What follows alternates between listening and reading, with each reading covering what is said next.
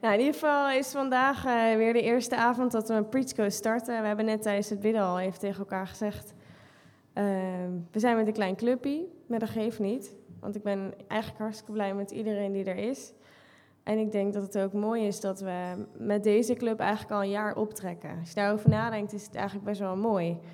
Dat de gezichten die je hier ziet zitten, dat die een jaar geleden eigenlijk eh, ook hier stonden.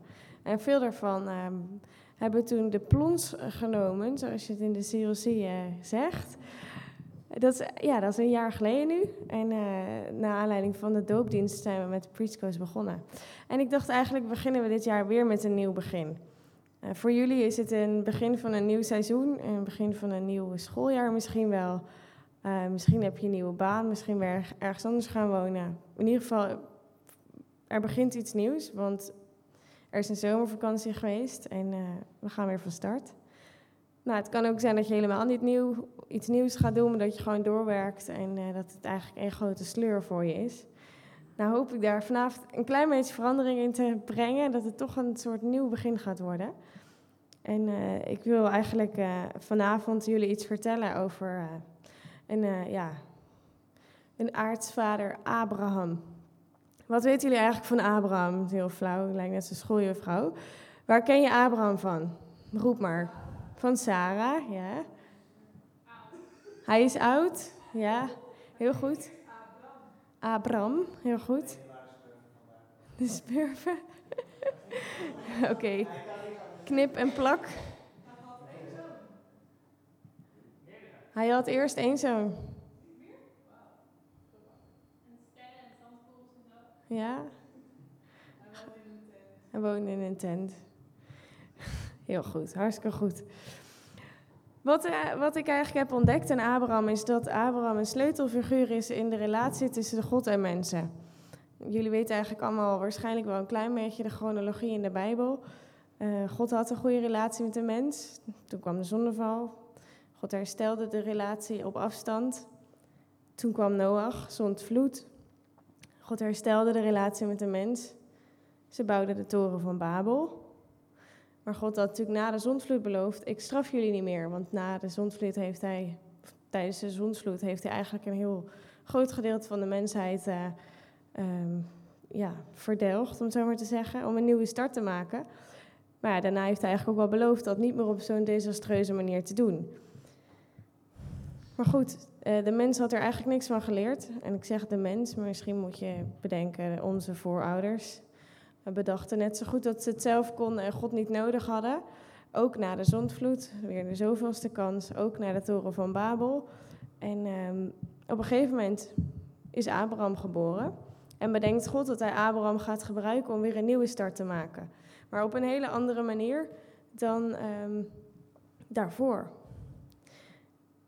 Wat, wat mij meteen bijstaat over Abraham is dat liedje van uh, uh, Abraham die naar uit Ur der Galdeeën kwam. Ik weet niet of jullie dat liedje kennen, maar nou goed. Ur der Galdeeën, en ik had vroeger geen idee wat het was. Kon je dat eten of niet, maar het schijnt een plek te zijn en de Galdeeën schijnt een volk te zijn. In ieder geval, daar kwam Abraham vandaan. En wat zo bijzonder is, is dat Abraham de stem van God in zijn hoofd hoorde. Nou, um, je hebt vast wel eens een keer gehoord dat iemand een stem in zijn hoofd heeft of stemmen hoort. Uh, vaak is dat heel negatief, is dat beladen, is dat een beetje luguber of angstaanjagend. Er zijn ook mensen die Gods stem horen of die dat zeggen, dat je misschien een beetje cynisch denkt van, mm -hmm, dat zijn eigen fantasieën. Nou, laten we het in het midden. Maar in ieder geval, Abraham hoorde wel heel duidelijk Gods stem. En dat was heel bijzonder, want God had al sinds uh, Noach niet meer tot de mens gesproken. Niet meer tot de mensheid gesproken. En voor jullie begrip, er zitten negen geslachten tussen. Negen generaties zitten er tussen. Dat is best een lange periode. Ik vind het altijd lastig in het Oude Testament om tijdsbesef te bepalen, omdat de verhalen hartstikke snel achter elkaar volgen.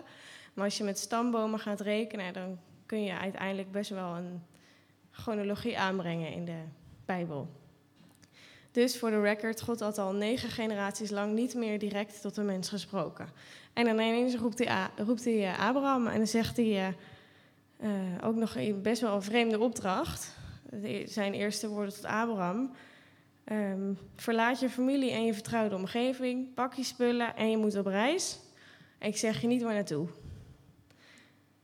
Nou, best bijzonder, best apart. Ik weet niet wat ik zou doen als ik dat zou horen. Dan zou ik toch aan mezelf gaan twijfelen. Ik zou misschien naar een psycholoog gaan. Ik zou naar de huisarts om te vragen hoe het komt dat ik stemmen in mijn hoofd hoor. God heeft eigenlijk Abraham twee keer geroepen en toen heeft Abraham eigenlijk gedaan wat God vroeg.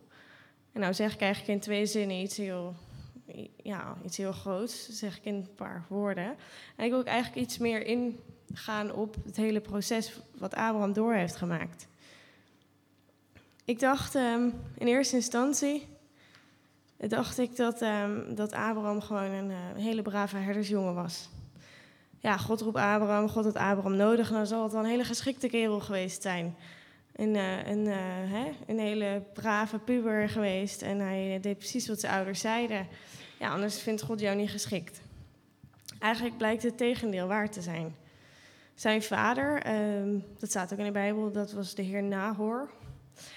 En dat bleek een afgodendienaar te zijn. Dus Abraham is eigenlijk helemaal niet opgegroeid in een gezin waar hij ook maar iets mee kreeg van respect voor God. Uh, sterker nog, hij groeide op in een streek, Haran, en Ur. Dat zijn eigenlijk twee steden waar, de, waar uit de andere geschriften blijkt dat de maan, eigenlijk uh, verheerlijkt werd. Dus absoluut niet God, maar een afgod, zeg maar. Dus hij groeide best wel in een heidense omgeving op, om het zo maar te zeggen. Misschien kunt je het wel vergelijken met onze eigen stad en dorp. Het was niet zo dat, er, uh, dat het in Staphorst of Urk was. Misschien kunnen we het zo vergelijken een plek waar God wel heel erg aanwezig is. Of in ieder geval waar het heel normaal is om God te dienen. Laten we zeggen dat het Zeist was. En verder was het ook niet echt een, een, uh, een arme cultuur. Wat we ook wel zien bijvoorbeeld bij David, die wordt natuurlijk geloofd om zijn nederigheid, al herdersjongen. Uh, die hoede de schapen, dat deed hij met veel toewijding. Uh, nou, de cultuur waar Abraham uitkwam was eigenlijk een hele ontwikkelde economische cultuur. Dus er was heel veel rijkdom, heel veel, uh, gebeurde gewoon heel veel handel. En uh, ja, mensen waren gewoon rijk. Het ging, ging, het, het ging zo goed, zeg maar. Dus nou, toen ik dat uh, ontdekte, toen dacht ik, oh, dat is misschien nog wel een heftigere opdracht voor Abraham om alles achter te laten. En een God te gaan volgen die hij helemaal niet kent. Maar ja, hij gaat het wel doen.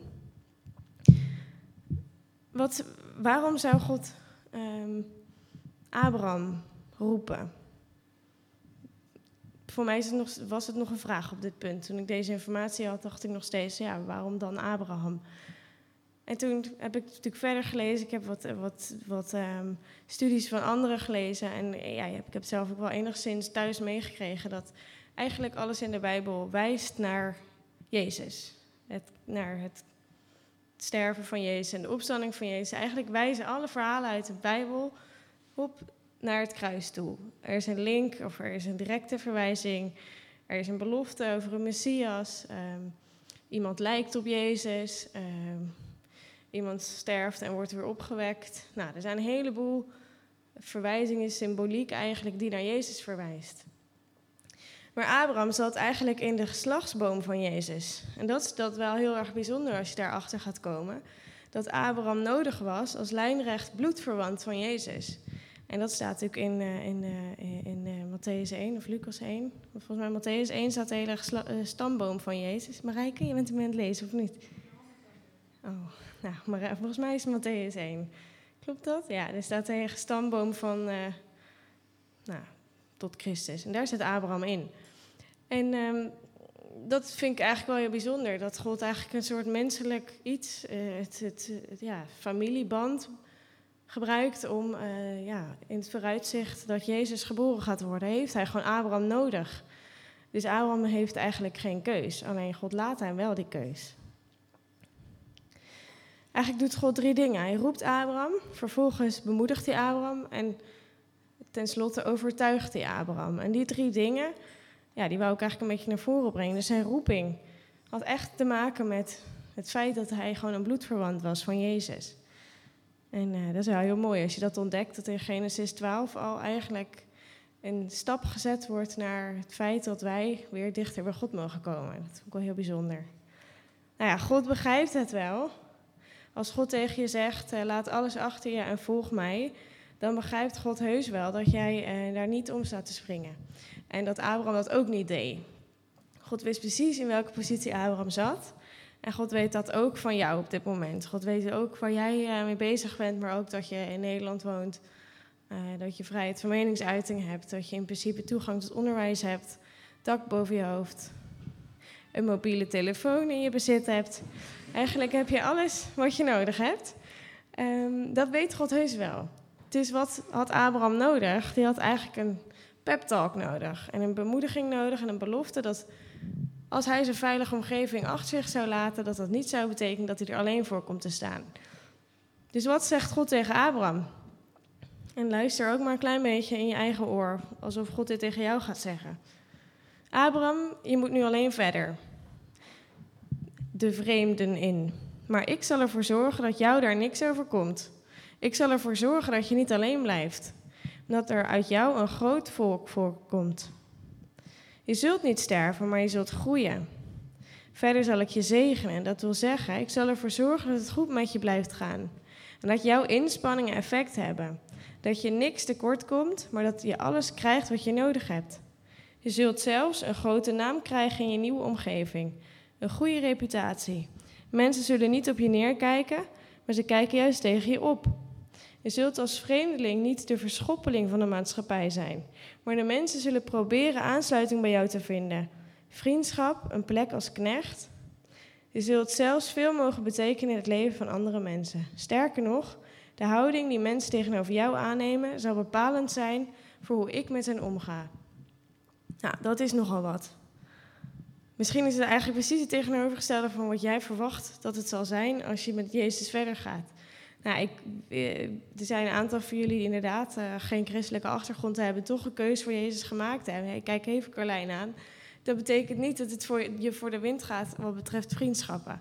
Er zijn mensen die helemaal niet jouw reputatie hoog in het vaandel hebben staan en die heel graag bij jou in de buurt willen zijn. Ik denk dat er vooral mensen zijn die naar je kijken van, nou, gaat het allemaal goed met haar? En uh, hè, heeft ze misschien inderdaad een psycholoog nodig? Want zet zomaar. nou, snap wat ik bedoel. Maar God belooft eigenlijk, eh, ja, God belooft jou gewoon het tegenovergestelde. Als jij voor mij kiest en als jij je echt laat volgen door mij, dan zal ik je zegenen. En dan zal ik ervoor zorgen dat het goed met je blijft gaan. En Abraham is zelfs heeft zelfs zo'n bijzondere positie dat God hem een paar keer vriend noemt. Ik heb zelf altijd een klein beetje moeite met het feit dat christenen zeggen: God is mijn vriend of Jezus is mijn vriend. Er staat namelijk nergens in de Bijbel dat iemand God een vriend noemde of iemand Jezus zijn vriend noemde. Maar er zijn een paar hele bijzondere mensen in de Bijbel die God wel zijn vriend noemt. En ik denk dat wij ons ook vrienden van God mogen noemen. In de zin van dat je een, een hele intieme omgang met God mag hebben. Ik zou zelf voorzichtig zijn met het andersom draaien, omdat ik vriendschap iets gelijkwaardigs zie. Waarin, ja, God, ik zou zijn schoenen niet eens durven openmaken, om het zo maar te zeggen. Maar Abraham had dus wel de positie dat God zegt, hij zegt tegen ze, als ze positief tegenover mijn vriend staan, dan zal ik ze het goede niet onthouden. En andersom, de mensen die jou niet moeten, die zal ik niet moeten. Want dan komen ze aan mijn vriend. Ja, dat zullen ze merken, in die trant. Abraham komt eigenlijk helemaal niet aan het woord. Tenminste, het enige wat je over Abraham leest is. En toen ging Abraham heen. Hij ging. Dat is eigenlijk wat je over Abraham leest. Je hoort hem niet twijfelen, je hoort hem niet discussiëren. Dat betekent niet dat hij dat natuurlijk niet gedaan heeft. Laten we wel zijn, Abraham was ook een mens. Zo, het ding zakt heel naar beneden. Maar pas in het Nieuwe Testament kom je een klein beetje te weten over de beweegredenen van Abraham. Ja, hij zakt echt naar beneden. Oké, oké, ik zal het zo. Ja, thanks. Pas in het Nieuwe Testament kom je iets meer te weten over Abrahams eigen psyche en over zijn beweegredenen, waarom hij geluisterd heeft naar God. En dat vind je in Hebreeën 11. Sowieso vind ik dat een geniaal hoofdstuk, omdat in Hebreeën 11 uh, iets staat waar ik zelf heel veel aan gehad heb. En dat is namelijk de eerste zin.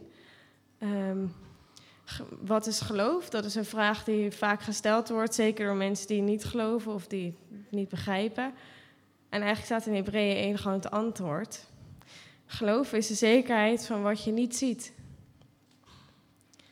En het is misschien een beetje filosofisch, maar het is, geloof mag wel degelijk een zekerheid zijn. Vaak zeggen mensen van, uh, ja, maar je gelooft het, want je hebt geen bewijs. Maar jouw geloof mag zo ver gaan dat het een zekerheid voor je is. Dat jij het gewoon zeker weet. Nou, denk daar thuis nog even over na, want het is best een ingewikkeld vraagstuk. In ieder geval, wat er in Hebreeën staat over Abraham, is het volgende. Door zijn geloof ging Abraham, toen hij geroepen werd, gehoorzaam op weg naar een plaats die hij in bezit zou krijgen. En hij ging op weg zonder te weten waarheen. Door zijn geloof trok hij naar het land dat hem beloofd was, maar hem nog niet toebehoorde. Samen met Isaac en Jacob, mede-erfgenamen van de belofte, woonde hij daar in tenten.